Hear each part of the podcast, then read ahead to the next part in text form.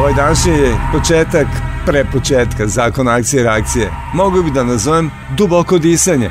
Pa što da ne, tako ću ga i nazvati.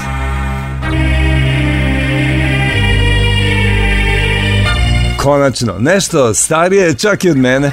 Naprimer, VMI. Ime koje delite na slogove po navici nepravilno, poput onog VMA za Vojno-medicinsku akademiju, tako i ovde možete da kažete VMI u ovom slučaju skandirajući akronim VMI, e označava Vojno-medicinski institut. Jasno je da su navikli na ovakva spelovanja kroz sve do sadašnje decenije, a one su i od VMI ili, ako ćemo tačno, VMI, načinile instituciju s debelom patinom priznam da se ne bi setio ove ustanove koliko god bilo životne važnosti za opstanak apsolutno svakog profesionalnog pilota u ovoj uzbuljivoj karijeri. Da primario, dr. Mile Preboć nije druge sednice novembra na svom Facebook zidu objavio da je na današnji dan 1945. godine osnovan Vazduhoplovno-medicinski institut VMI u sastavu komande ratnog vazduhoplovstva i protiv vazdušne odbrane sa sedištem u Zemunu u ulici Sonje Marinković 4. Pa onda dodao da svim sadašnjim i penzionisanim pripadnicima čestita dan dvemi, da bi se na kraju uredno potpisao sa primarius dr. Mile Preboč, načelnik instituta od 2003. do 2005. godine. Bravo doktore, evo i moje čestitke. Ne treba da kažem koliko je nostalgičnih reakcija izazvala objava doktora Preboča, pre svega među nama pilotima, kako aktivnim, tako i nekada aktivnim, ali i radioaktivnim poput mene. Prvi sam se ja raznežio, lamentirajući nad prvim koracima u avijaciji, tadašnjom čežnjom, bar za nagoveštajem dragocenog ohrabrenja na početku karijere, a bez ikakve garancije za budućnost. No, samopouzdanje najbolje stičete malim pobedama. Prva dilema je uvek da li sam dovoljno zdrav. Ništa ne vredne, ni ambicije, ni lepe želje, ni entuzijazam ako vam kažu dobar si, ali za bicikl. Ako vam snovi seže visoko u troposferu, sve do kokpita, mlaznog dugoprugaša, obavezni ste da pribavite i zdravstveni kriterijum najviše klase. E, za to je zadužen pomenuti VMI, odnosno VMI i porota zvana VLK, vazduhoplovna lekarska letačka komisija. Ko prođe velka, ta je sposoban za put prema nebu. Zato na premjerni pregled dolazite sleđeni od treme. Ispitome Zemunske ulice pune opalog lišća, inicijalni pregledi obično jesu u jesen, pošto tada počinju teorijske nastave u pilotskim školama – Ulazite u novi svet, svet u kom se pred vas ispreče bešumna vrata egzotičnih ordinacija, primariusi i doktori ozbiljnih lica, svi u vojnim uniformama preko koji su navukli bele mantile i sa činovima ne nižim od majorskog i razgovorljiva pilotska bratija u koju gledate kao bogove koji su sišli na zemlju Počasovani što prvi put na jednom mestu, na istoj klupi, čekate prozivku u društvu sa pilotima lovcima, s nadzvučnih Let Lampi i Genexovim i Jatovim kapitanima sa Tupoljeva, Douglasa i Boeinga. Kasnije, mnogo kasnije, na to se naviknete, a kada prohuje godine i vi preuzmete uloge onih kojima ste se sami nekada davno s pritajemnom zavišću divili – redovne kontrole pred velika prerastu u profesionalnu rutinu. Znate da nekoliko dana ranije ili nekoliko nedelja, kako ko, treba da smanjite neka uživanja ili neke poroke kako biste bili fit na dan pregleda reducirate jelovnik, malo izbegnete masno, malo zobiđete slatko, preskočite koju čašicu, poradite na jutarnjoj gimnastici, izoštirite vid i sluh, dobro se ispavate i eto vas, spremnih ko zapeta puška na novom ispitu pilotskog zdravlja. Moj prijatelj i dugogodišnji kolega u Jatu Stevan Ignjatović napisao je Sećam se svojih prvih pregleda 1970. godine za vazduhoplovnu vojnu gimnaziju Maršal Tito, pa 1974. godine za jat pilotsku školu. To su bili ozbiljni pregledi.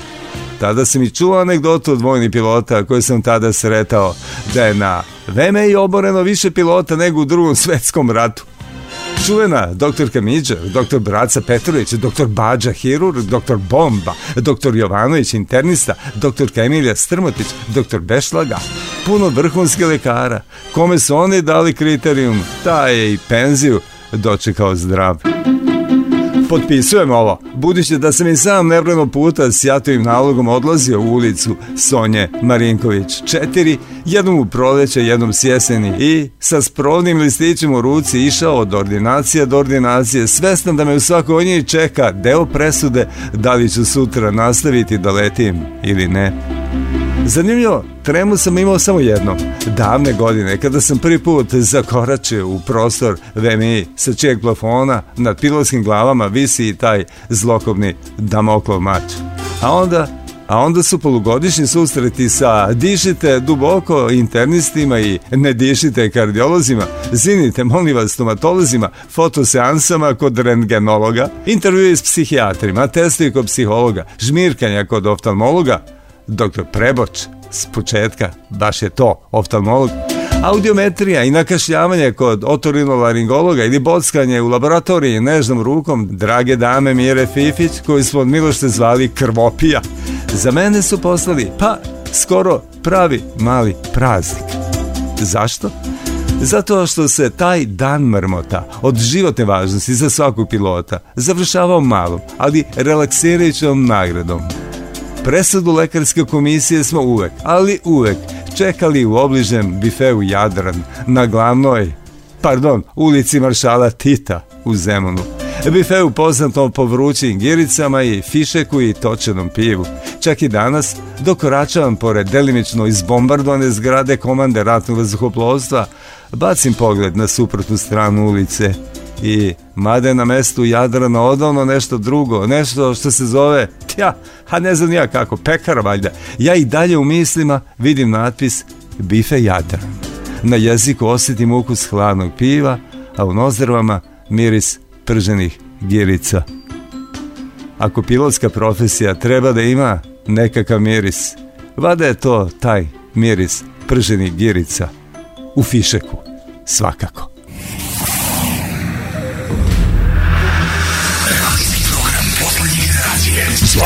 Znam. Informišite se o stvarima koje vas okružuju, ali i mnogim drugim koje vam mogu biti od vitalne važnosti. Vaš kapetan Zoran Modli upravo ulazi u kokpit aviona koji će vas udobno prevesti do željene destinacije. Vrat! Molimo vas da vežete vaše pojaseve. Vrat, posado! Jer ovoga trenutka polećemo. Nije valda. Dobar dan. Ne dajte da vas ništa odvrati od slušanja današnjeg zakona akcije reakcije, pa čak ni ova emisija. Ništa ne može da vas preči, da čujete. Početa prepo... a to ste čuli, ono, duboko disanje i duboko pilotsko sećanje na Vojno-medicinski institut. Ali, duboko disanje i tako isto sećanje, drugi deo vas očekuju. Pa zatim, 40 godina novog talasa na FDU, Milutin Petrović i Srđan Šaper o tome kako su i zašto upisali režiju na FDU. Ivan Trajković, tehnologija bez krova, Marijana Pečić, koliko zarađuju influenceri na društvenim mrežama, Markusov svet, ko je pobio indijance, Milan Živanović, deepfake intervju s poznatima koji čudno zvuče, Nikola Dragomirović priča o stripu na krhotinama slobode, premijera pesme Kad ljubav krene, grupe Uski kolosek danas u Zairu, SK Vremeplo, Vojslava Kuzmana, Stefanovića, optika oglašavanje i pas robot kroz decembar mesec 90, 1985. 1991. i 2000. godine onda ćemo imati Apple koji menja mape zbog krima, decu, bogati ko ne koriste smartfone, Facebook koji je prvi na udaru novog zakona u Singapuru, Fopi sa potpisom Steve'a Jobsa koji je procenjen na 7,5 dolara, savjet da napravite vlastite mape uz pomoć drona, rusku vojsku koja je lansirala satelit za prismotru, Starlink satelite koji uništavaju kišu meteora i jedan novi telefon uz koji morate da priložite i svoju fotografiju. Ali ako ste kinez stotinu, a možda i koji minut više veličanstvenih minuta uz zakon akcije reakcije danas sa rednim brojem 1, 2, 3, 4, 5, 6, 7, 8, 9, 9, 998 998 Ajde da odskandiram i ono staro 9, 9 8, 2, 2, Eto, jedna baš jaka studentska osmica ali bez doktorata, ne bojte se. Možda će neki od vas da prepozne ovo violončelo. Za onaj koji ne prepozne da kažem da je ovo bila kompozicija grupe Uski kolosek iz proleća ove godine. Proleto su pre pesme koju ćemo danas predstaviti imali single, eh, single, ali ajde da tako nazovemo, zvani Potera.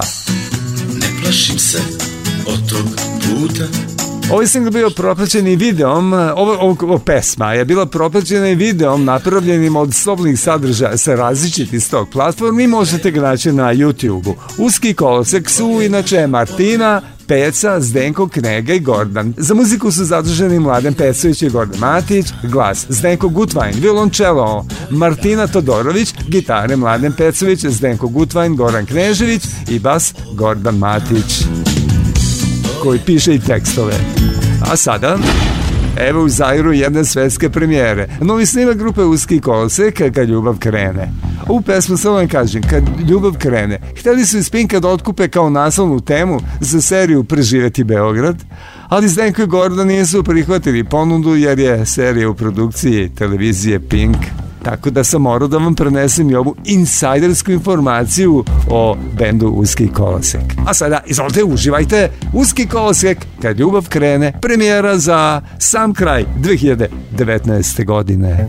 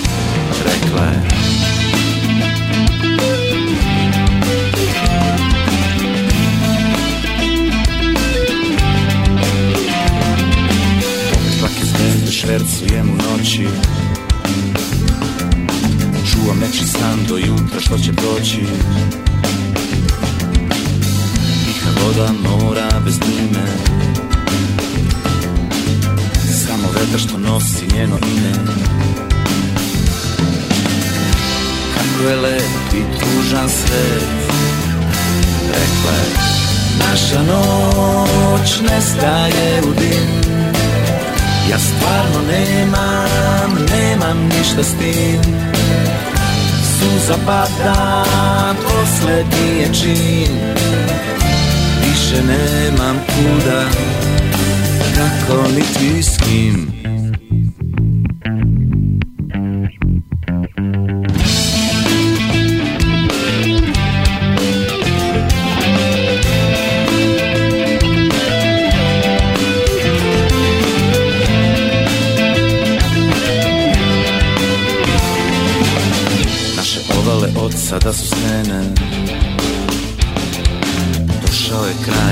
pred njenom scene Ja još stojim i ispijam vreme Što zastane, zastane pa krene Ljubav krene, kreni ti Rekla je Naša noć nestaje u dim Ja stvarno nemam, nemam ništa s tim suza pada Poslednji je čin Više nemam kuda Naša noć nestaje u dim Ja stvarno nemam, nemam ništa s tim Suza pada, poslednji je čin Više nemam kuda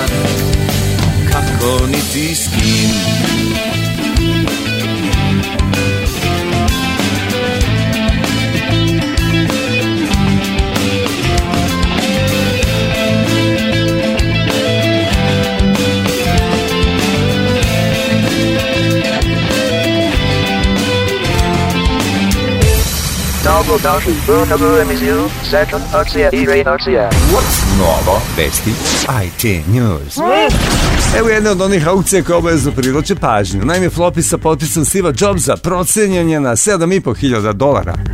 E, da li znate koliko vredi potpis Steve'a Jobsa sada da vas pitam posle svega? E sad, ako suditi po aukcijskoj kući RR Auction, on vredi više od novog vrhunskog 16-inčnog MacBook Pro i iPhone 11. Ne, zajedno. Naime, floppy disk sa potpisom Apple-og suosnivača ponuđen je na aukciji, a procena aukcijske kuće je da će taj predmet dostići vrednost od onih 7,5 hiljada dolara. Ovako visoka procena napravljena je zahvaljujući tome što Jobs nije davao mnogo autograma. Vrednost ovome dodaje i to što se nalazi na proizvodu koji je poželjan kolekcionarima jer je direktno vezan za Apple. Naime, na potpisanom flopiju se nalazi Macintosh System Tools 6.0 software, a on najverovatnije datira iz 1988. godine. Aukcijska kuća očekuje da će ovaj predmet dostići procenjenu cenu. Trenutna najviša ponuda je nešto preko 5000 dolara, a do kraja aukcije ostalo još nedelju dana. Ipak, već sada možemo sa priličnom sigurnošću da kažemo da ovo neće biti najskuplja Jobsova memorabilija. U septembru je poster za originalni Toy Story crtani film sa njegovim potpisom prodat za više od 30.000 dolara. Oj, oj, oj, oj, rekao bi jedan od nekada naših sportskih reportera. A šta mi da kažem nego... Toj, toj, toj, toj, toj. Pritom ne mislići na, na one pokretne toalete. Nobody can see what we made. It's aging fast. Days within a matter of minutes. What are we supposed to do?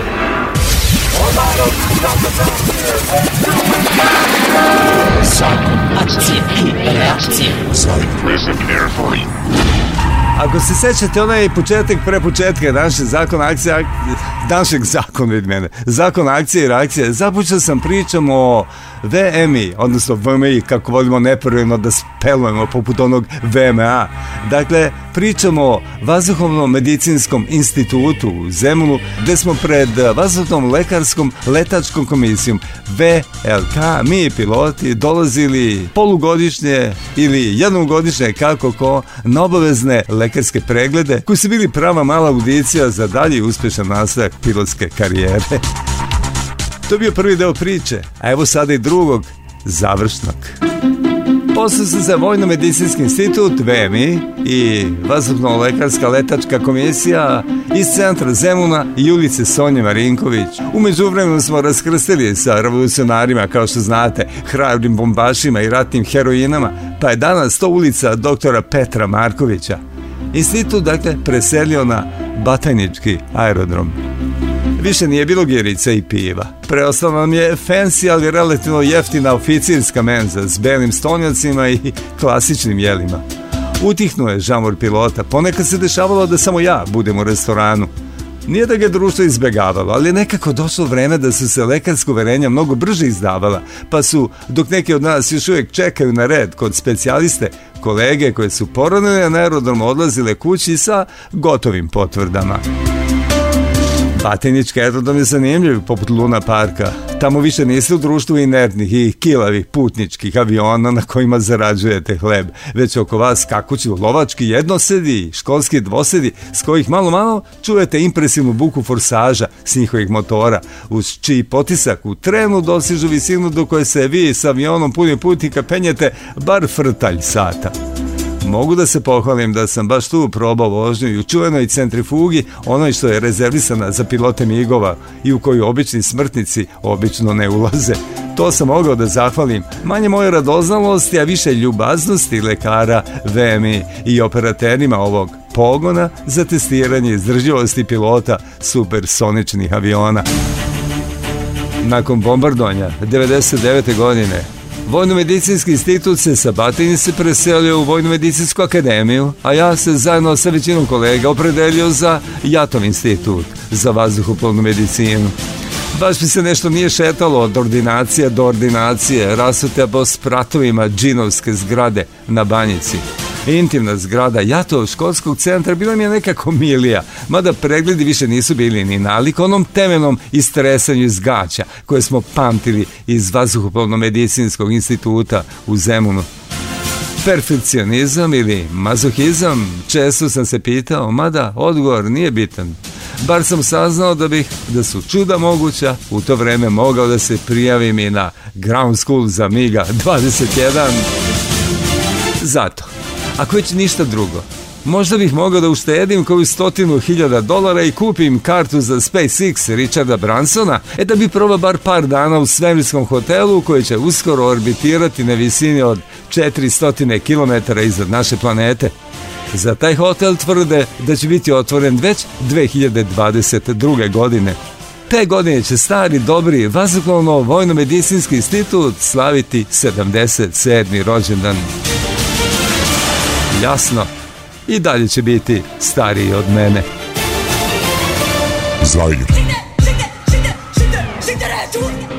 haven't talked in months. Phone just isn't fun. I barely even eat anymore. And we don't cry for sleep anymore. There's something I may try. This drink doesn't taste right. It wasn't like our drug our drunk nights, drunk nights. It wasn't like our drunk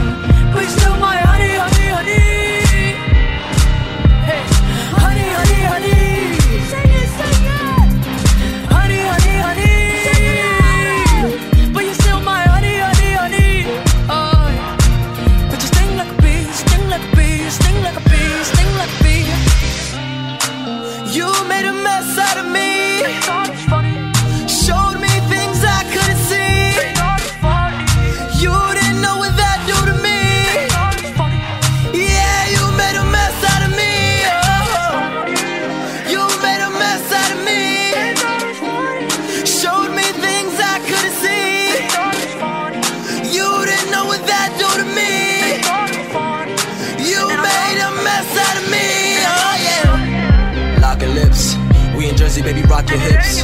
Rock, rock, rock your hips.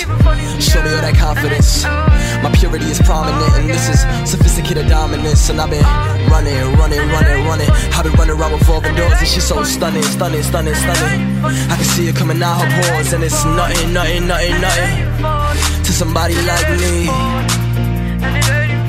Somebody like me you still think I'm funny, funny, funny? You know you love me, baby. Funny, funny, funny. Come on, funny, come on. Tell me, baby, do you love me, love me, love me? I'm butterflies. I know you feel it in your tummy, tummy, tummy, and you stink like a bee.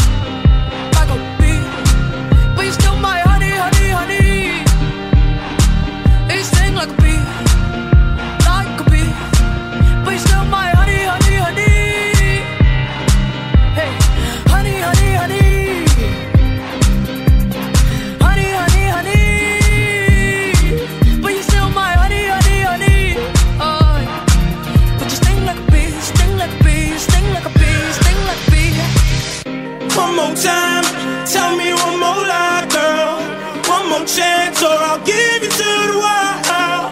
Tell me what you really wanna do. Girl, I got to, girl, I got to. Tell me, I got to know.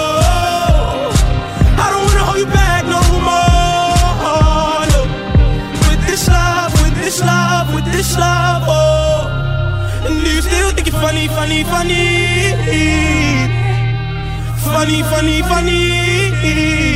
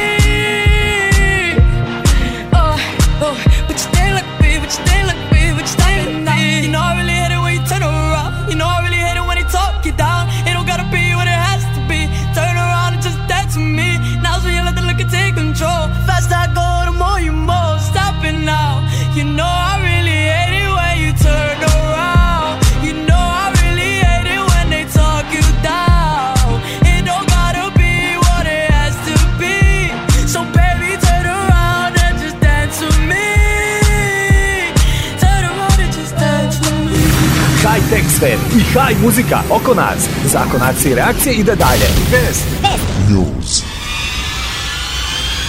Ruska vojska u okviru strogo poverljivog projekta lansirala satelit za prismotru. Ruska raketa Sojuz 25. novembra je u kosmos ponela strogo čuvanu tajnu u obliku satelita koji je, kako stoji u izveštajima vlade, dizajniran da prati aktivnosti drugih satelita. Raketa Sojuz 2-1V ponela put kosmosa satelit sa lansene platforme Plestex Kosmodrome, koja je od Moskve udaljena 800 km, a projekat je pokrenulo Ministarstvo odbrane. Satelit bi u orbiti trebalo da se postavi tako da može da prati aktivnosti drugih ruskih satelita, a optička oprema omogućava i snimanje površine Zemlje.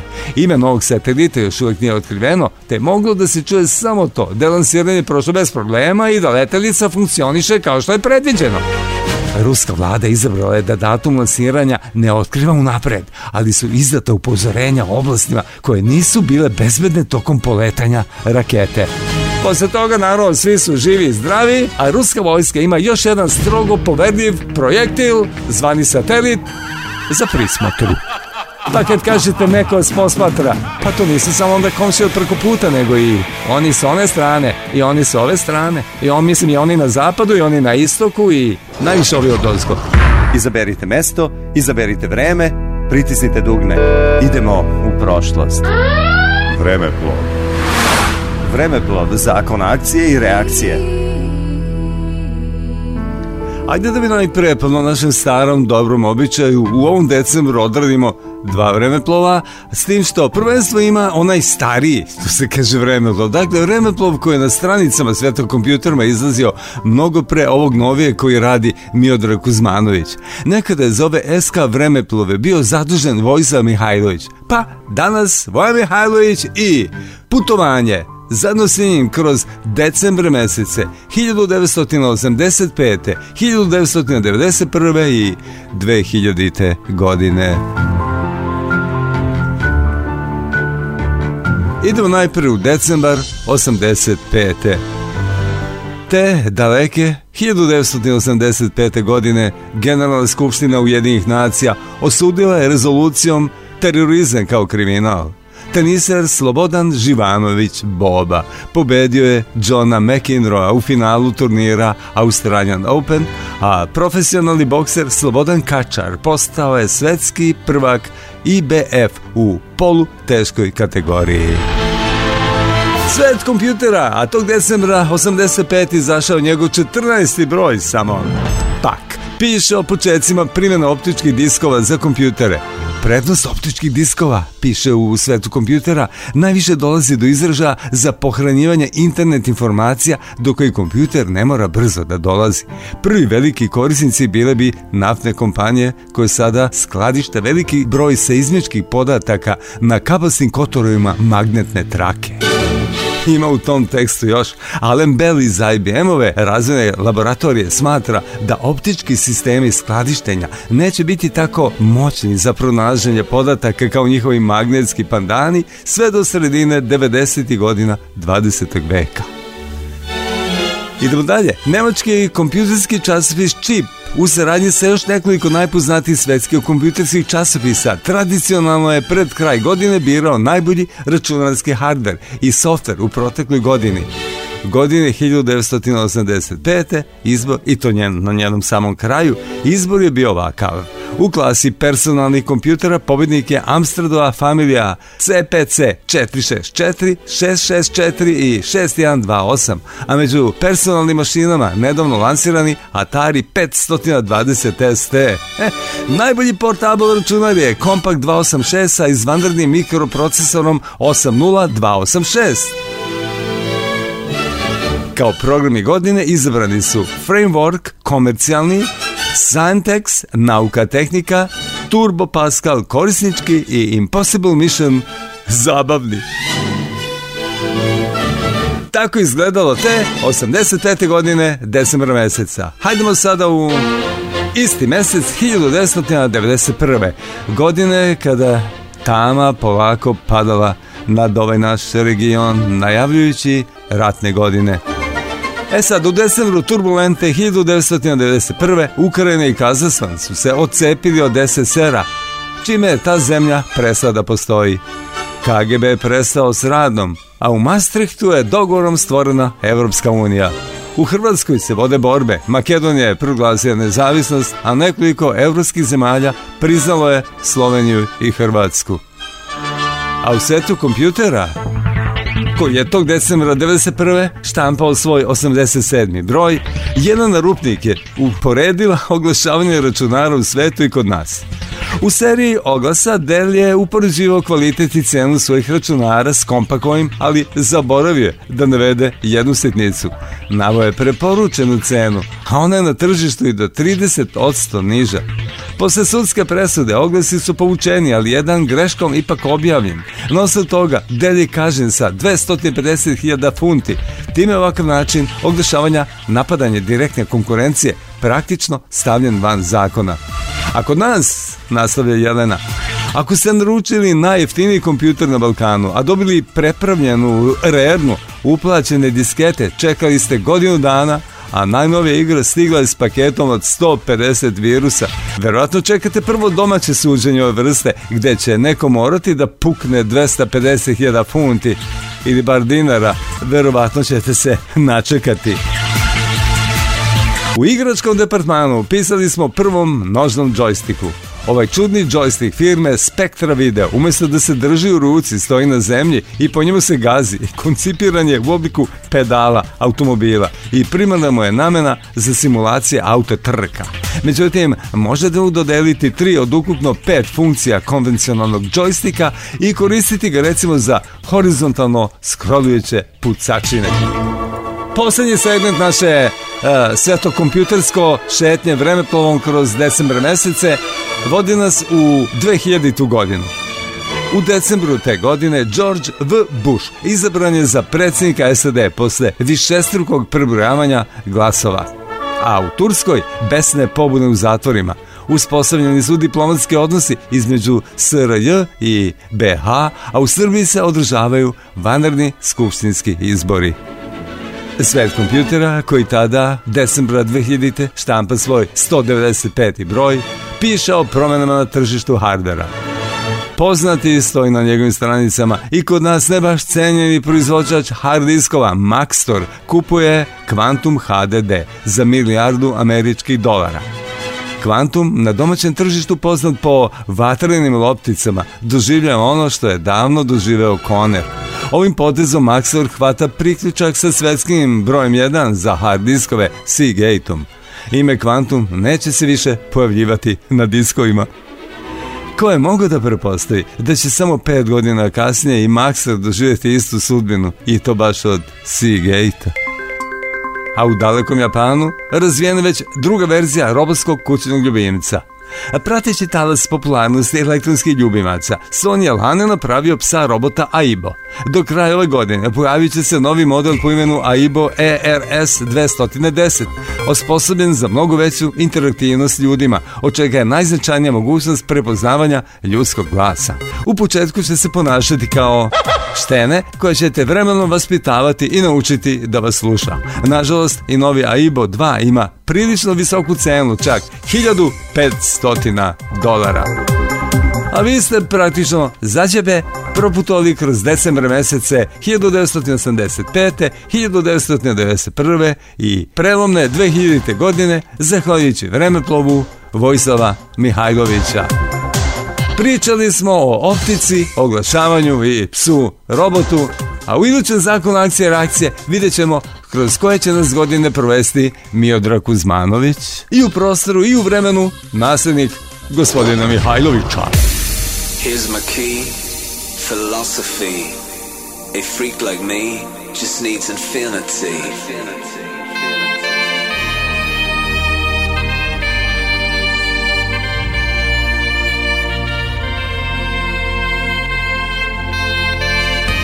relax, take your time.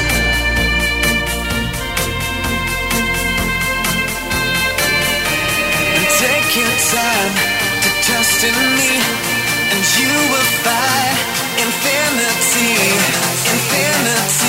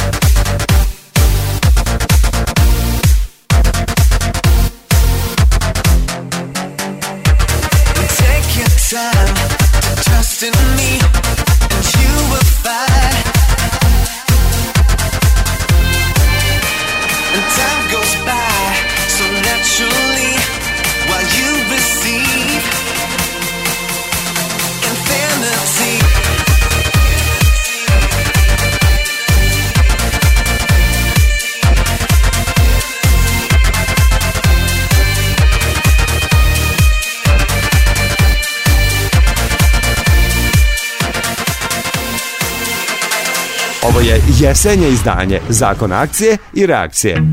Tesla Cybertruck krši pravila fizike i dizajna, kaže Ivan. Kompanija Tesla je lider na polju električnih automobila, ali i baterija, solarnih panela i veštačke inteligencije. Kontroverzni predsjednik Tesla Elon Musk, koji je također i šef kompanije SpaceX i Hyperloop, predstavio je prošle nedelje novi model pick-up kamioneta brenda Tesla, nazvanog Cybertruck. Dizajn Cybertrucka se razlika od bilo kog drugog pikapa, a sa svojim oštrim linijama najviše podsjeća na vozila iz naučne fantastike, što je jeste bio cilj. Ispod nesvakidašnje spoljašnosti stoji i ista takva unutrašnjost. Cijelo vozilo se kontroliše pomoću samo jednog ekrana na dodir, a Cybertruck ima i pametno dizajner na LED svetla umjesto farova. Karoserija je napravljena od nerađećeg čelika, isto koji se koristi u svemirskoj letelici Starship. Cybertruck također ima i veoma veliku snagu vuče, zahvaljujući trosrkom električnom motoru. Ovo je demont... samo da kažem demontirano. Ovo je demonstrirano u viralnom videu u kome Cybertruck vuče uzbrdo Ford F-150, inače godinama unazad najprodavaniji pick-up. Što želim i elektro Cybertruck? Tema bez problema. Tema emisije, zakon akcije i reakcije. kritičko preuličavanje problema modernog društva i reimaginacija istih u svetlu totalitarnih društava, diktatorskih režima i ukidanja ličnih sloboda jeste jedno od najznačajnijih odlika distopijskih fikcija. O čemu je sad ovo reći? Ničem drugo nego nečem vrlo jednostavnom. O stripu. O stripu govori autor koji inače diplomirao arheologiju na Filozofskom fakultetu u Beogradu, saradnik je politikinog zabavnika Nedenika Vreme i nekoliko online portala posvećeni kulturi. Strip je kritičar i esejsa sa radovima objavljenim u više domaćih i stranih izdanja i publikacija. Dakle, reče o autoru po imenu Nikola Dragomirović i priče o stripu pod naslom Na krhotinama slobode. Britanski strip scenarista Alan Moore, jedan od najuticajnijih autora na tom polju u istoriji anglofonskog stripa, 1981. godine započeo je seriju V kao Vendetta za časopis Warrior. U to vreme imao je 28 godina i sam priznaje kako nije imao mnogo iskustva u predviđanju političkih događaja. Uprkos tome upustio se u višegodišnju avanturu tokom koje je stvorio politički najprovokativnu viziju distopijske Britanije u bliskoj budućnosti, makar u to vreme, jer se serijal bazirao na događajima i sada davne 1997. godine. Moore u to vreme nije imao preterano iskustva ni u pisanju scenarija za stripove, tek se je penjao lesicama popularnosti, a već koju godinu kasnije će potpuno izokrenuti američku strip scenu, najviše superherojsku i pokrenuti takozvanu britansku invaziju. Ali te, 1981. godine tek se poigravao sa potencijalom koji je čučao skriven u njemu. Istovremeno se u Miracle Manu takođe za Warrior bavio dekonstrukcijom superherojskog žanra. Ipak, V kao Vendetta će ostati planetarno popularan serijal koji će definitivno obeležiti ovaj period njegovog stvaralaštva. Okusnica Murule radnje misteriozni disident poznat samo pod kodnim imenom V lika skrivenom pod maskom Gaja Foxa, britanskog katolika iz 17. veka i predvodnika takozvane barutne zavere, Murov hero je takođe jedna od žrtava režima, ali je uspeo da preokrene stvari u svoju korist i ličnu osvetu je spojio sa pokretanjem niza događaja koji će se okrenuti protiv partijske mašinerije i njihovog sistema kontrole. Orwell sa srećnim krajem ili još samo jednu u nizu suvnih predviđanja u kojim sve smerovima može da nas odvede pokleknuće pred totalitarizmom ukoliko ne naučimo lekcije iz prošlosti. Murova distopija jeste jedno sumorno proročanstvo, ali ne i bez osnova. I sam autor je bio iznenađen koliko je bio na tragu neki događaja koji će uslediti. Sada je 1988. Margaret Thatcher počinje treći mandat i uvereno govori da će konzervativci u kontinuitetu voditi zemlju i u sledećem stoleću. Moja najmlađa čerka ima 7 godina, a po tabloidima kruži ideja o koncentracionim logorima za osobe zaražene sidom, Nova policija za suzbijanje nereda ima crne vizire kao njihovi konji, a na maricama su rotirajuće videokamere. Vlada izrazila želju da istrebi homoseksualnost čak i kao abstraktan koncept, a čovek može samo da nagađa koja će manjina biti sledeća na udaru zakona. Razmišljam da ubrzo u sledećih nekoliko godina s porodicom odem iz zemlje. Ovde je postalo hladno, zlobno i više mi se ne sviđa napisao je Moore u uvodniku za jedno od izdanja Vendete. Koliko je Moore obsežno usmerio kritičku žalku na tadašnju Britaniju, svedoči za njega karakteristično obraćanje pažnje na najsitnije detalje i simboliku.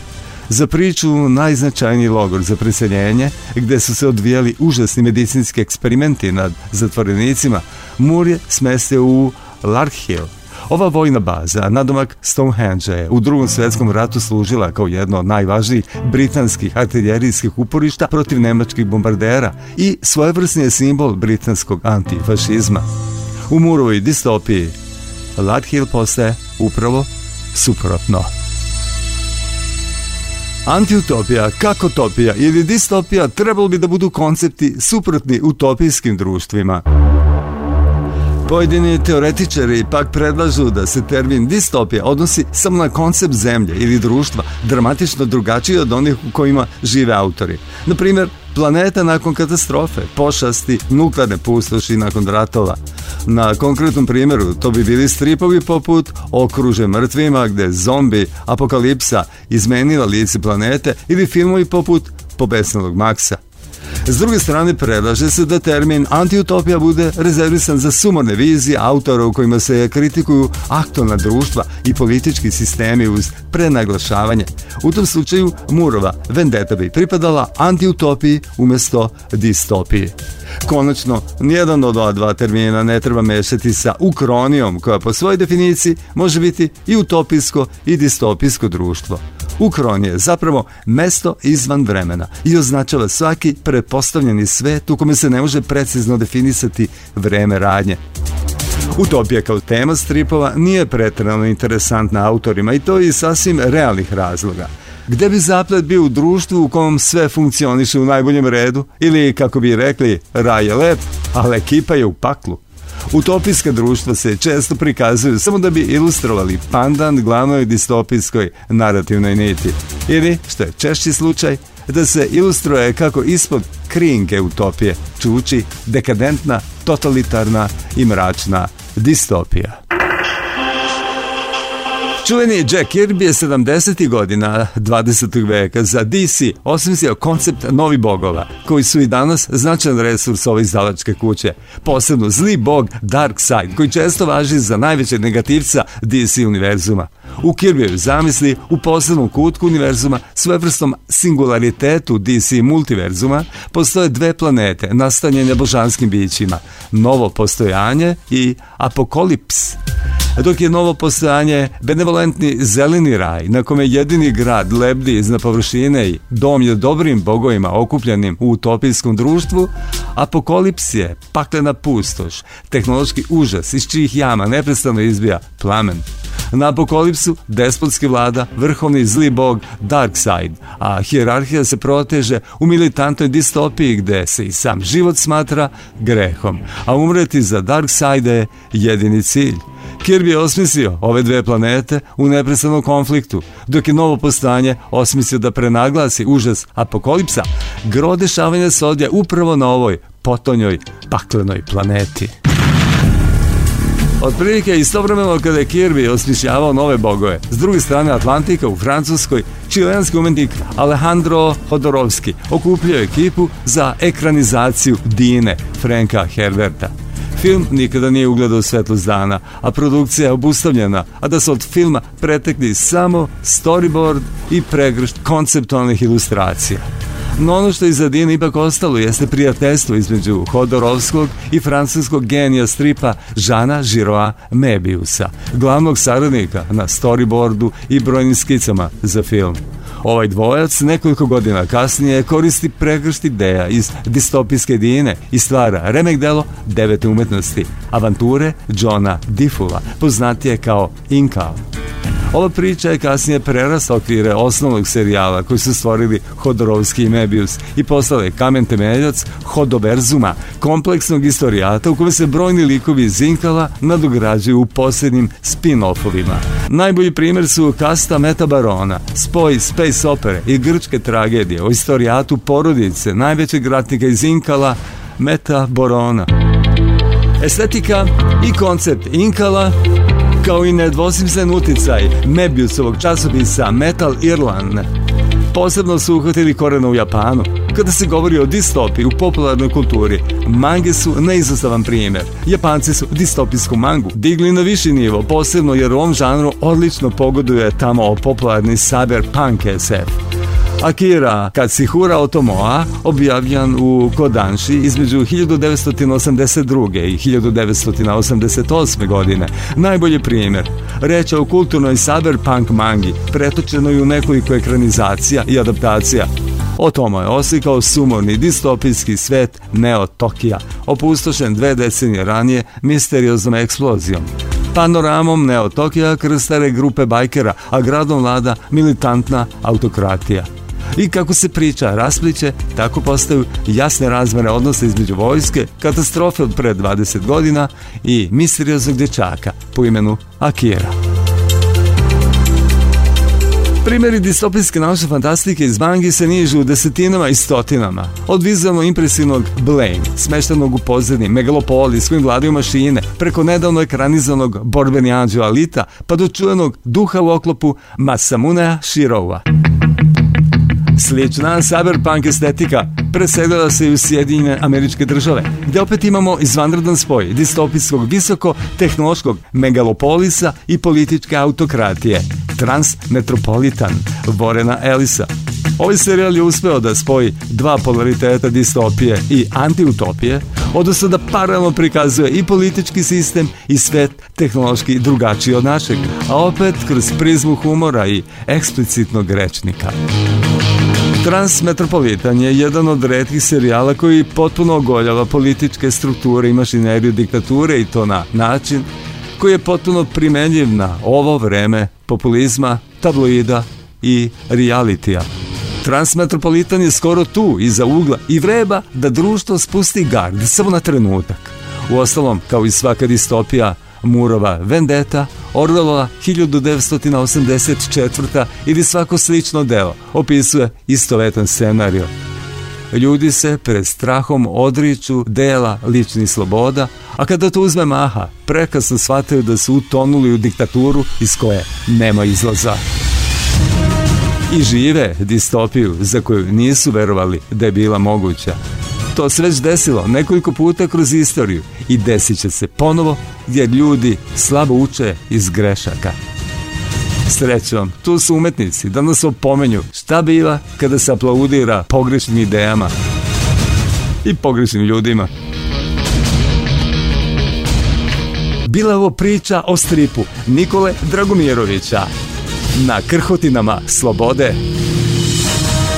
priča ispričana čitocima časopisa za promociju nauke elementi, a sada i slušalcima Zaira. Mm, kakva tema.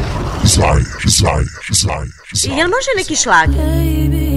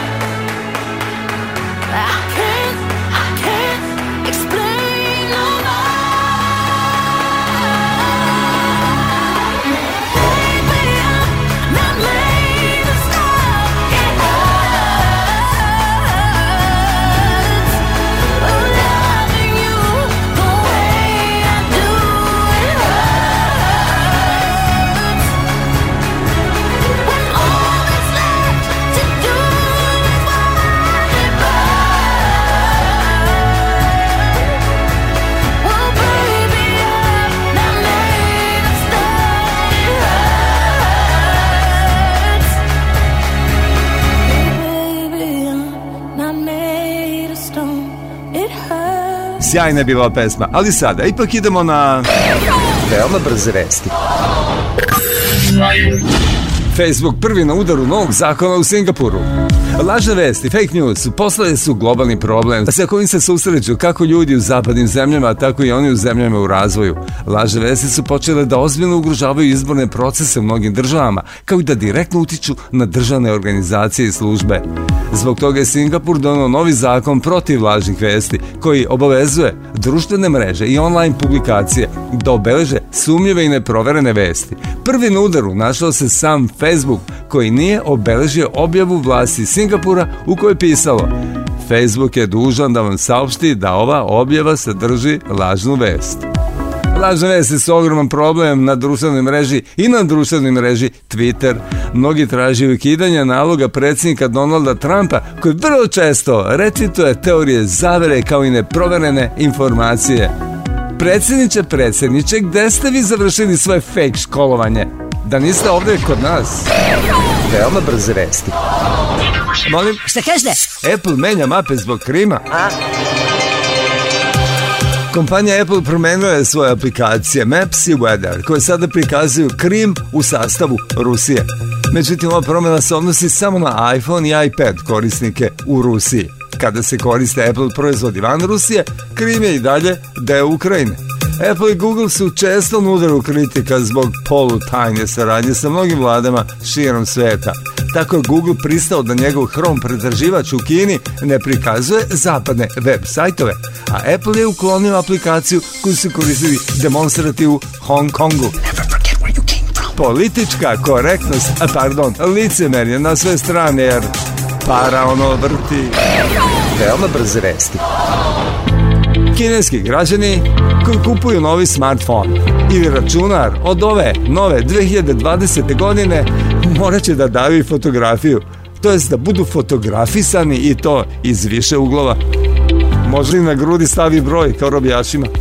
Kina je naime pooštrila zakon o telekomunikacijama, po kome su i do sada svaki internet priključak ili SIM kartica bili vezani za ličnu kartu i detaljne podatke o korisniku. Sada se od korisnika traži skeniranje lica kako bi građani, jel te, bili zaštićeni u virtualnom prostoru. Ipak, bit će da se ovaj novi propis odnosi na pravljenje velike baze lica građana. Kina ima najveći broj instaliranih kamera sa veštačkom inteligencijom na javnim mestima, zgradama i poslovnim objektima pa sada instalira i lica svojih građana u kartoteke onih koji kupuju novi smartfon ili računar. E, dakle, ako želite da budete svima poznato lice sa fotografije, pod hitno na azijski istok pravite se da ste kosoki. I da pijete vodu sa morave. I saw Sa lice mesta na licu mesta. Oh. Zakon akcije i reakcije. Prekrasnih dana novembra na FDU, Fakultetu dranskih umetnosti u Beogradu, održana je, ne volim reći manifestacija, ali hajde da kažemo susret ili obeležavanje 40 godina novog talasa. Povod za organizovanje ovakvog događaja je 40 godina od početka novog talasa u SFRJ. To je bio sveumetnički pokret koji je nastao pod uticajem raznih zapadnih tendencija u popularnoj muzici, filmu i umetnosti uopšte. Događaj 40 godina novog talasa na FDU obuhvatuje tribinu, projekciju filma i koncert. Inače, tribina je održana na sceni Mate Milošević i ja sam se tu prikrao sa svom snimaljkom U trenutku kada su govorili učesnici tribine, ujedno i akteri u stvaranju novog talasa, Boris Miljković, Srčan Šaper, Branimir Dimitrijević Tucko, Biljana Maksić, Milutin Petelić i Vladimir Đurić. Evo da ćemo danas, pošto ću ja u više navrata da se vraćam ovom događaju u zairima koji slede, da ćemo danas Milutina Petrovića i Srđana Šapera kako je novi talas uticao na njihove nove korake u život, u konkretnom slučaju kako su se i zašto upisali na fakultet dramskih umetnosti. Srđanu Šaperu je to prvom pošle za rukom, a Miluti Petrović, kao što ćete čuti, ustave iz drugog pokušaja. Ovaj, sad sam se setio dok sedimo ovde knjige jedne koju ćete sad svi da klinete glavom, to je knjiga Mix Media Bore Čosića. I to je izašlo negde u to, u to vreme. I to je jedna strašno važna knjiga oko koje se sve to, taj konceptualna umetnost, Paul Pignon, e, e, SKC, cela ta stvar, i, i malo intervjua koje smo mi imali, I e, te, te, te godine, 79.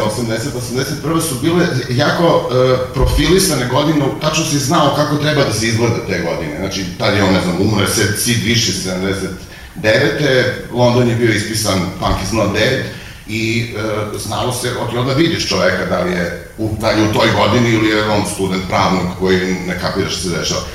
Ja, ja, ja nikad nisam hteo da studiram ovaj fakultet u tom smislu, da ja sad kao studiram reži, učim iz ono sovjetskih e, teoretičara, onih Blaževski, ne znam koji još uvijek tu obavezna literatura, nešto 56. u Poljskoj pisao Blaževski, pa onda imali Boško Bošković, nesretni, isto sa nekom liku knjigom, reši da imaš nešto Ovaj, nego, nego sam hteo da upišem art college. Mene to zanimalo, ja sam čuo da je, da je Kit Richards upisao art college, da je, da je, da je ovaj, Bram Ferry studirao art i da se on pop muziku bavi upravo iz te priče kako si ti sad rekao. Znači, njemu je uh, profesor uh, na art college u Brian Ferryu je bio ovaj uh, pop artista koji je napravio beli album Beatlesa. I, uh, hvala. I ovaj, oni su tu najviše raspravljali ideju uh, toga šta je originalnost umetnosti, to im je bilo važno. I onda je Brian Ferry nadahnut popartističkom idejom da je rock and roll fantastičan medijum zato što je svaka, svaka ploča Beatlesa je original i da je to, da je čanstvena stvar, onda je on iz tog razloga krenuo to. I ja sam hteo to da studiram, I nekako sam ošacova da je najbliže tome akademija. Došao ovde i kad sam video onih 105 ljudi koji konkurišu na režiju, Ja sam ovako mi pogledu i bio što fotonu će meni odmah da prime, jer sam ja ono izgledao potpuno kao ovo si više iz, iz, iz de... ne, ne, i onda me nisu primili, I, na, od, pao sam na ono, na testu kulture, sam jako glup čovjek, i ovaj, ne opreznan neš, ne znam kako se zove, jedan najvećih umetnika na koga se referišem, a to je, to je baš to, ja sam baš takav. I onda sam ja e, te godine, na, na, kad sam ispao na, u prvom krugu na toj testu opšte kulture, sam imao najmanje bodova, uh, upoznao kasnije eh, tri studenta koje su upisala, koji su sva trojica bili nevjerojatni štreberi, oni su u 79. govorili eh, muzika mladih, tako su se izražavali o rock'n'rollu. da, da. I ja sam otišao kući kad sam ih upoznao i rešio da uopšte ne, neću, da to da sam pogrešio, da uopšte ne želim da studiram to. I onda sledeće godine sretnem drugaricu sa prijemno i ona mi kaže, upisala sam režiju, ja kažem, ovo sad će da studirati s ovim Vukovcima, A ona mi kaže, nemoj tako da pričaš, super mi je klasa. Znaš ko je sa mnom na klasi? Ona je iz idola. Ja sam ovde zbog tebe. Na, na, ne, nikad sad ti kažeš, četiri godine kasnije. I onda sam ja, ovaj, onda sam ja upisao uh, režiju jer sam ukapirao da je, da ipak nije tako. Znači da ako on iz idola studira režiju, on sigurno, bilo je jasno da on neće da bude to nešto Nisam scena. Ja ovo nisam nikad čuo ranije, hvala ti. vidiš, pošto ovo nije bio takav fakultet tada, nego je bio ovo, kako je Tursko opisao malo pre, onda, na primjer, ja sam, to je tačno, ali, znaš kako, mislim, na primjer, ja sam tu kad sa, to je Dragan bio tada, je tako? Sunčica. E, a, Sunčica, da, da, nego posle, tačno. E da, i sad ja sam u stvari, pošto, pošto je ta prva godina značila dosta ovaj, koncerta e, sa idolima, onda mi profesor ovaj, reže tada na prvoj godini, uh, nije dao potpis. Tako da sam onda ponavljao, propao sam prvu godinu, nisam potpis iz režije, tako da smo onda ispali Milutin ja, ovaj koji su upisao od sledeće godine, da smo ispali na klasitu, vidiš kako nas je to ovaj, spojilo. Ali ja, za mene je to recimo bio veliki šok, da sad na umetničkom fakultetu koji sam ja doživao kao u stvari, pre svega art, generalno, neko može u stvari da te obori zato što nisi bio na dovoljno časova, e, to mi je izgledalo nekako, a ti si u isto vreme nisi bio na tim časovima, jer si imao neku drugu ideje umetnosti i bavio se time, to mi izgledalo nekako neobično. I onda taj mi je bio, u stvari, ja bih rekao, svi smo mi imali sukob malo sa FDU u sve vreme, mislim, na, na, na tu temu, ali smo se dobro međusobno svi družili, prepoznali i to je to što je Tucko malo pre u motivacijom govoru rekao, prijatelji su ti koji, prijatelji su ti koji te vozac zadnje. Profesor Govorili su Milutin Petrović i Srđan Šaper. Kako je novi talas uticao na njihove nove korake u životu i kako i zašto su dospeli kao studenti na fakultet dramskih umetnosti u Beogradu.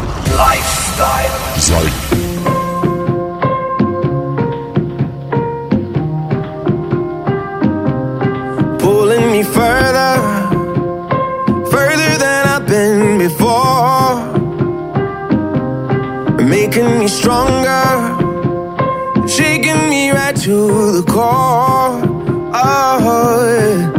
I don't know what's in the stars.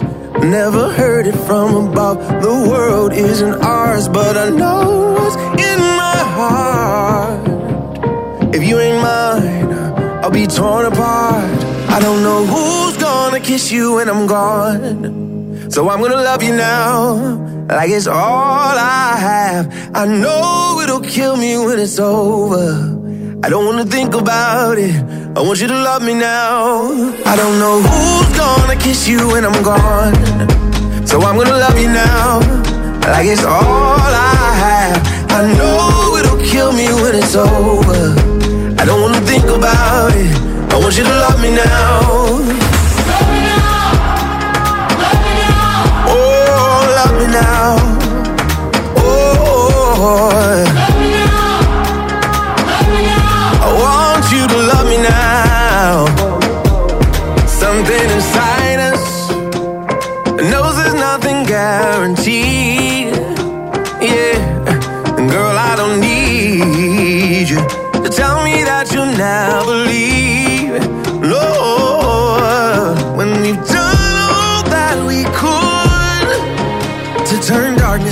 the light, turn evil to good, even when we try so hard.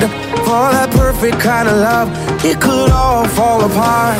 And who's gonna kiss you when I'm gone? Oh, I'm gonna love you now, like it's all I have. And I know it'll kill me when it's over. I don't wanna think about it. I want you to love me now. Love me now love me now. Oh, oh, oh, love me now, love me now. Oh, I don't know how the years will go down. It's alright. Let's make the most of every moment tonight. I don't know who's gonna kiss you when I'm gone. So I'm gonna love you now, like it's all I have. I know it'll kill me when it's over. I don't wanna think about it. I want you to love me now. I don't know who's gonna kiss you when I'm gone. So I'm gonna love you now, like it's all I have. And I know it'll kill me when it's over. I don't wanna think about it. I just wanna love you now. Oh yeah. Oh,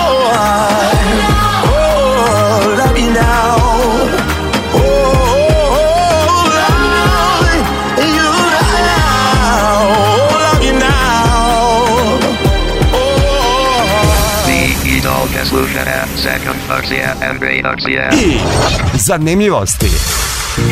Da, doista je zanimljivo da deca bogati ne koriste smartfone ili im se to brani. Sumnjam da su sama tako odlučila. Masna proizvodnja pametnih telefona i tableta, prvenstveno u Kini, Donova je relativno niske cene ovih uređaja, pa nije čudno da ih ima poneko i ponekoliko. Dodajte tu i par članova porodice, službene telefone i računare, kao i sve prisutne čak i kod nas Wi-Fi mreže, te dolazimo do toga da su današnja deca i tineđeri okruženi tehnologijom. Zapravo najveći korisnici smartfona u svetu su uzrast od 14 do 27 godina i provode više od 3 sata dnevno ispred raznih ekrana i ekrančića. Ipak dalje baš tako. Učenici elitne Sacramento Waldorf, privatne osnovne i srednje škole u Sjedinim američkim državama, ne koriste telefone i kompjutere u školi. Šta više upotreba smartfona je strogo zabranjena. Računari se koriste samo na času informatike, a na drugim časovima uči se muzika, lepo pisanje, slikanje i crtanje. Takođe, tu i predmet koji se kod nas nazivao domaćinstvo. Sacramento Waldorf ima i kompletnu farmu gde deca uče da se staraju o životinjama, a uče i pletanje.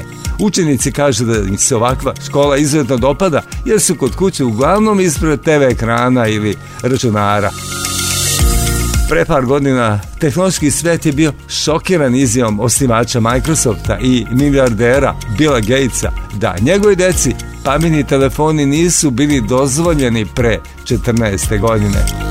A evo sada polako i škole, za sada one za bogate, ulaze u taj fazon. A pa sirotinja nek se i dalje zabavlja mobilnim telefonima, a?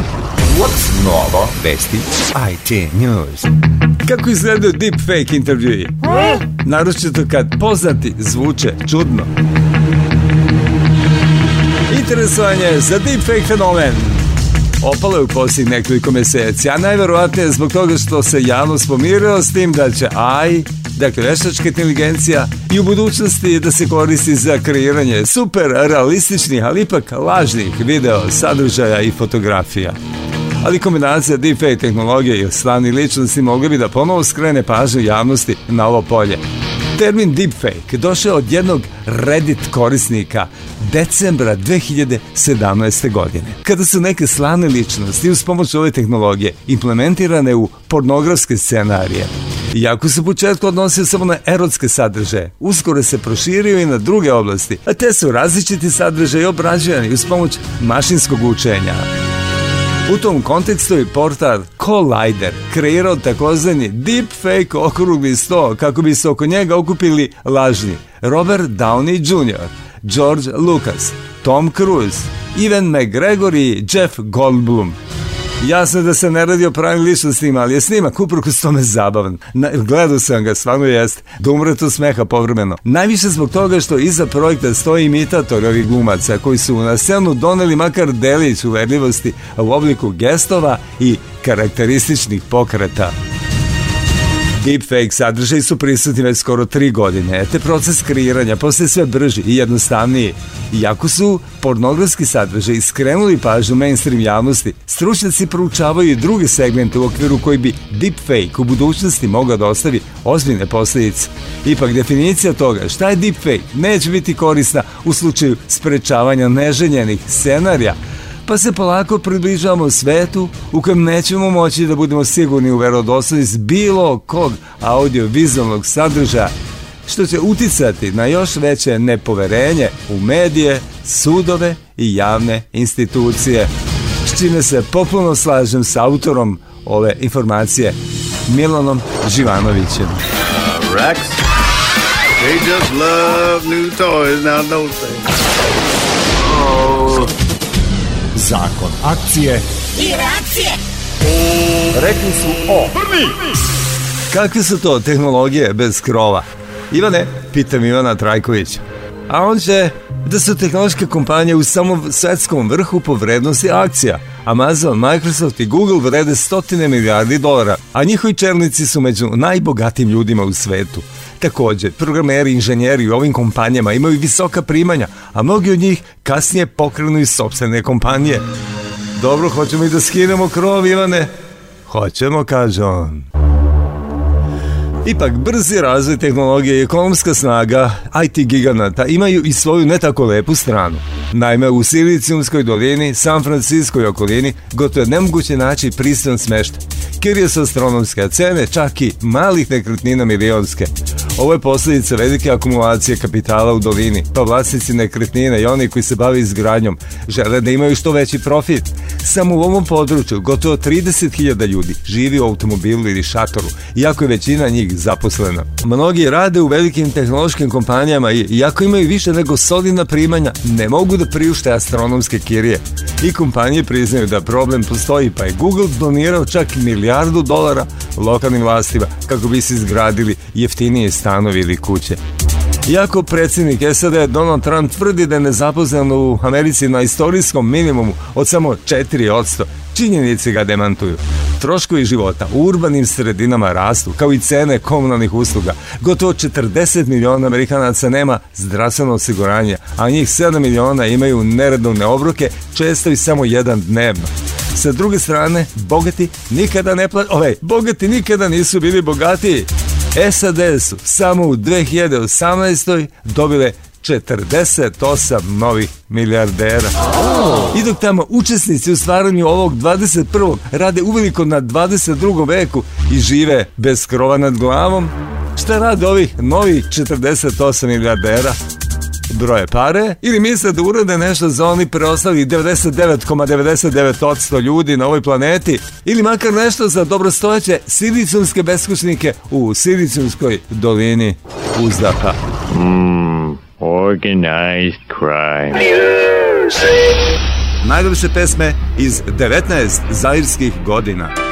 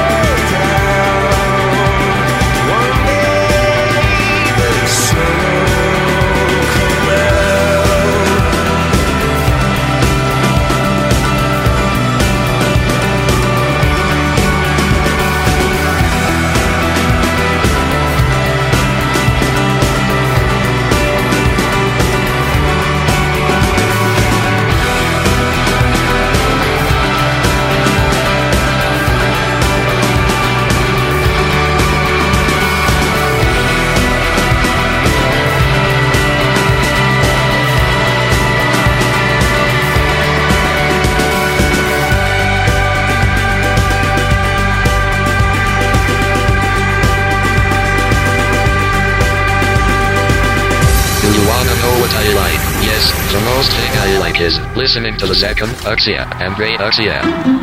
Ako ste ikada poželili da i vi budete kartograf, kao što je recimo jedan od onih likova iz Malog princa Antoana de Saint-Exuperya, onda možete uskoro da pravite sami svoje mape.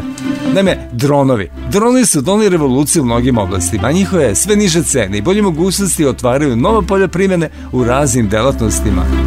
Novi Vintra One dron je dizajniran specijalno za mapiranje i kartografiju. Može da vertikalno uzleće, a za sat vremena leta. Može da napira fotografijama visoke rezolucije površinu od preko 200 futbalskih terena. Vinktar One koristi tehniku višestrukog fotografisanja iz raznih uglova, te se na računaru mogu dobiti visoko kvalitetne mape terena do veličine novčića. Winter One će imati veliku primjenu u poljoprivredi, građevini kao i akcijama spasavanja i prirodnim nepogodama, to je očigledno. Ali možda i u nekom vašem nešto skupljem hobiju, a? is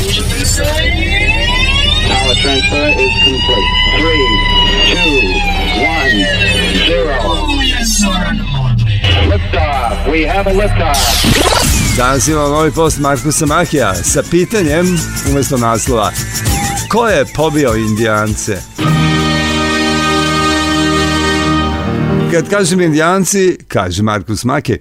Mislim na američke starosedeoce, ali kao što me baš briga što se danas cigani zovu Romi, tako mi baš briga što su indijanci sasvim pogrešan naziv. Nema ništa pogrdno u reći indijanac, već samo pogrešno. Nije da ih zovemo izmetari ili gamad ili gnjide. Ne, ime kojim je nadenuto samo govori o našem istorijskom neznanju iskreno da vam kažem, da nema ovih boraca za društvenu pravdu i policajaca jezika, mislim da bih usvojio sve nove izraze preko noći. Ali, kako njih treba bojkotovati i boriti se na sve moguće načine, nema šanse da prihvatim njihove nametnute termine. Njima, čim date prst, ode vam ne samo ruka, nego i celo telo, pa i komšija. Boing, boing, bum, čak, čak, čak, boing, boing, bum, čak, ping. Kad sam ja bio mali, svi kao bojci, odnosno američki filmovi koji su prikazivali život između evropskih doseljenika i indijanaca, prikazivali su evropljane uglavnom kao stočare ili ratare, koji su samo želili da nađu svoje mesto pod suncem. Ali su ih neprestano tamanili, bezdušni, uvek na krv, spremni starosedeoci, koji ništa drugo u životu nisu radili, nego razmišljali kako će što više belaca da pobiju. Svakog jutra čim se indijanski pogledica probudi, on odmah okupi starije oko svog vigvama da broje skalpove od jučerašnjeg pohoda i da većaju kako će se danas krvi napiti kaubojima. Nakon tog ciklusa filmova pojavili su se novi u kojima se zli kauboji neprekidno ubijaju između sebe i kako kriminal cveta. Sad su mirne ratare napadali ne samo za zločin genetski predodređeni indijanci, već i nadahnute bele serijske ubice. I onda stidljivo, prvo jedan pa drugi, jedan od njih je bio ples sa vukovima pre 30 godina, stvar se totalno preokrenula. Sada su belokosci postali genocidna rasa. Samo su razmišljali kako da satru što više crvenokožaca, pravili su cipele i abažure za lampe od ljudske kože, a indijanci su bili neka vrsta pesnika i filozofa koji su živjeli u skladu sa prirodom, brali cveće, ritualno plesali oko centra sela i nijednog mrava nisu i ne bi zgazili. Ja se apsolutno zalažem za istorijski revizionizam. Ne zato što se događaji menjaju, desilo se ono što se desilo, ali naše saznanje o njima mogu biti čak i radikalno različita kako vreme prolazi. Međutim, u ovom slučaju ne radi se o tome, već ko je trenutno na vlasti. U prvoj verziji western filmova bio je potreban na narativ koji su gurali desni, da se ljudi osjećaju sigurno i da zaborave na rezervate, na bitke i na sve ružno što su beli radili crvenima. Nakon toga i to su radili i levi i desni. Bilo je potrebno opravdati rast snage američke države. Dakle, trebalo je sve navikavati na sve veću prisutnost američke policije i vojske, što u Americi, što u svetu. Treću seriju filmova postakli su levi, jer im je bio potreban narativ obsesiji koja se uvek dobro naplati, zakonima, subvencijama i privilegijama. Naravno, ja sam sve to prilično uprostio. Istorija nikada nije tako jednostavna i crno-bela, ali je dovoljno tačna za trendove koje želim da opišem. A šta je prava istina od svega ovoga? Ništa. Niti su indijanci genocidne krvopije, niti su belci genocidni eksploatatori. Niti je bila istina da je kriminal cvetao na divljem zapadu. Američka država je danas stvorila podivljali zapad, ali kada su po tadašnjim prerijama trčali lovci na bizone, jubogi farmeri, kriminal je bio na minimalnom nivou. A šta je prava istorija? Šta se stvarno desilo? Pod jedan, najveći broj indijanaca je nestao zbog bolesti koju su novi narodi doneli. Dakle, tu nema nikakve krivice. Pa i crnu kugu, od koje je umrlo 50% stanovništva tadašnje Evrope, doneli su sasvim slučajno neki Azijati iz Male Azije. Pod dva, broj indijanaca je bio tako mali, oko 2 miliona u celoj Severnoj Americi, da je gustina naseljenosti bila skoro nula, tako da u 99% slučajeva niko nikome ništa nije otimao po tri, indijanci nisu bili neki hipici, već obična plemena, kao i sve druge primitivne civilizacije svuda po svetu, koje su se ubijale između sebe u slučaju konflikta interesa, mada je to bilo vrlo redko, zbog veoma niske stope naseljenosti. Po četiri, Broj današnjih indijanaca je daleko veći nego što su dođoši zatekli kad su došli. Dakle, o kom genocidu mi uopšte govorimo? Portret, bilo je ratova i konflikta između starih i novih, ali su oni bili veoma redki i tek mnogo kasnije kada se gustina jako povećava. Međutim, ni to se nije dogodilo iz neke mržnje ili pakosti, već zbog nekompatibilnog modela svojine. Koncept privatne svojine kod domaćih je postojao, ali je bio veoma slab. Najveći broj posjeda dođeši su kupili za bagatelu, jer indijanci nisu mnogo marili za zemlju, jer su bili nomadi te kada su shvatili da je kod belaca posed fiksan i apsolutan, počeli su da napadaju, čak i u slučajima kada su legalno prodavali svoje teritorije. Pod šest, najveća zla i rezervati dogodili su se mnogo kasnije kada je porasla američka državna uprava i kada je nastala vojska. Država je satrala indijance u rupe, Da nje nije bilo, stari novi narodi bi našli zajednički jezik uz daleko, daleko manje nasilje.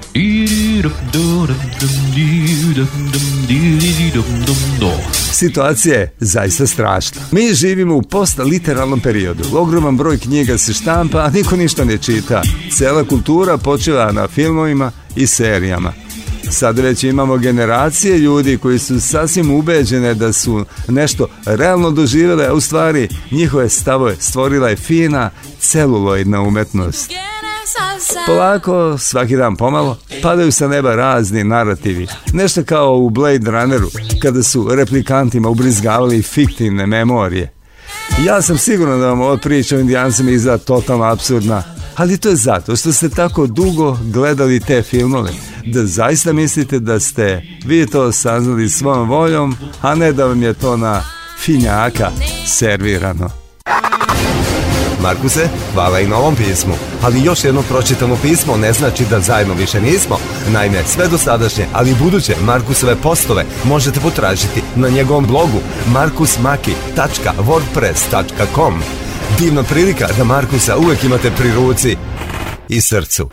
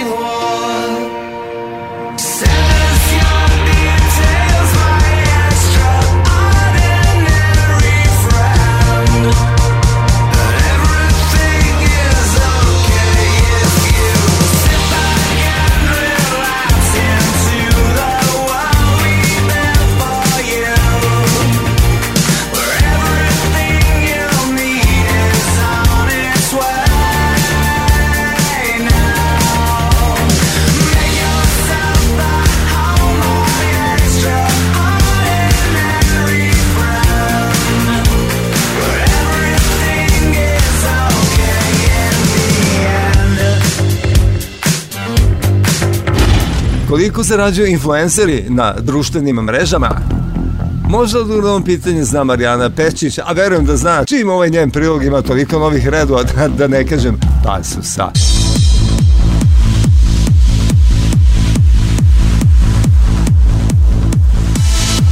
Novac koji su zaradili influenceri na društvenim mrežama poraste meteorski u posljednjih nekoliko godina, navodi se u novom izveštaju.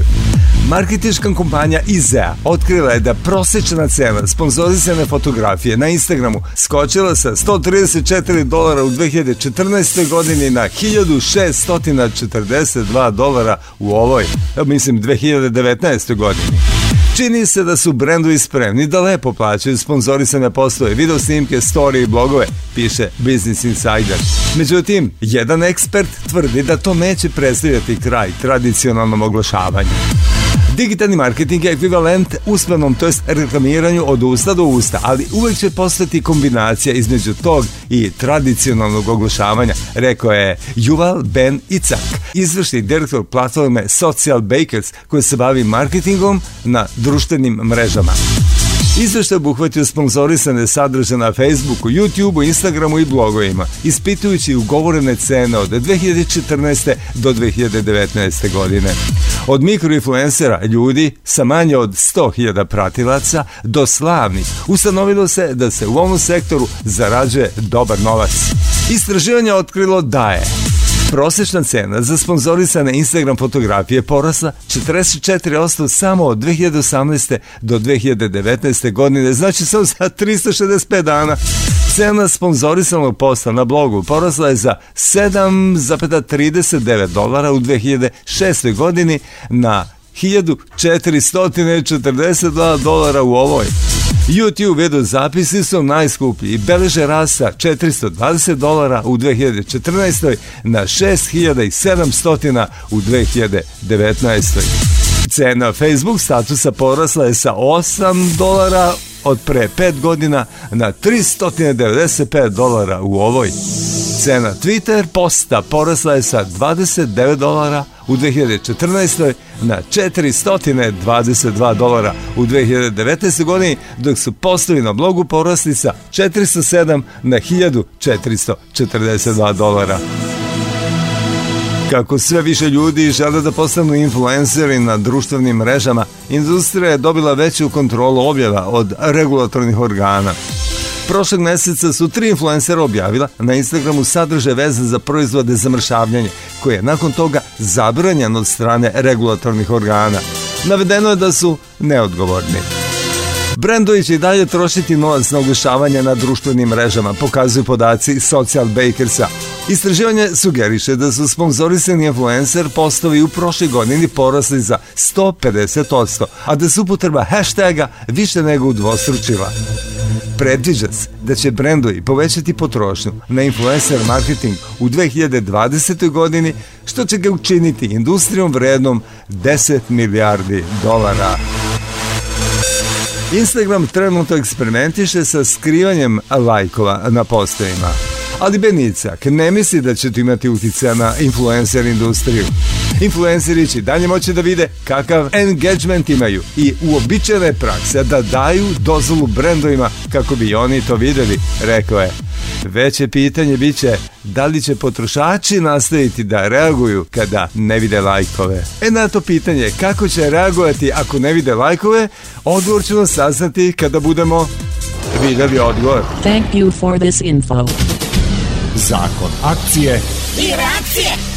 And now, Vest. Vest. News. This should help you remember everything.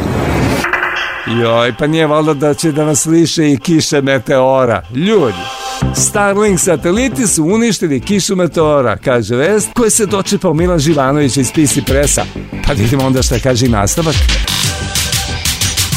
Proteki meseci je već moglo se čuje da Starlink konstelacija satelita utiče na posmatranje kosmosa, pa bi ambiciozni SpaceX projekat u budućnosti mogao da ozbiljno ugrozi astronomska proučavanja, budući da je planirano da se u kosmos pošalje 42.000 satelita koji bi trebalo da obezbede internet konekciju za sve delove sveta. Proučavaoci nebeskih tela već su zabrinuti, a poslednje kiše meteora uticali su na to da postanu još više kritični prema SpaceX projektu. Naime, posmatranje redke unicorn kiše meteora prekinuto je nizom starnih satelita, a te satelitske jedinice mogu da se vidi na snimku koji ja ovde imam, ali sad kako da ga vama dočaram. Jednostavno imate kameru okrenute ka nebu koja snima samo sa jednom sličicom u sekundi, tako da osjećate, vidite to kretanje zvezda na nebeskoj kaloti i povremeno neka pokretna tela, dakle tragovi, u stvari svetleće traguje neki pokretni tela za koje ne znate da li su sateliti, jer oni se kreću naravno, ili su meteoriti a od takvog posmatranja sa nedubicom zadojstva nema. Eksperti ističu da će biti neophodno da se promeni način na koji se traga za meteorima, kao i pisanje softvera koji služe za detektovanje ovih nebeskih tela, jer na sve više snimaka mogu da se vide problematični sateliti. Problem će se samo uvećati kako se u kosmos bude slalo više satelita, da bi kulminirao kada se bude došlo do broja od one 42.000 ljudi pa je sve više naučnika koji predviđaju kraj, totalni kraj za posmatranje kosmosa sa zemlje. There's a girl outside. He, he, he cannot be from space. It's not possible. Zajer.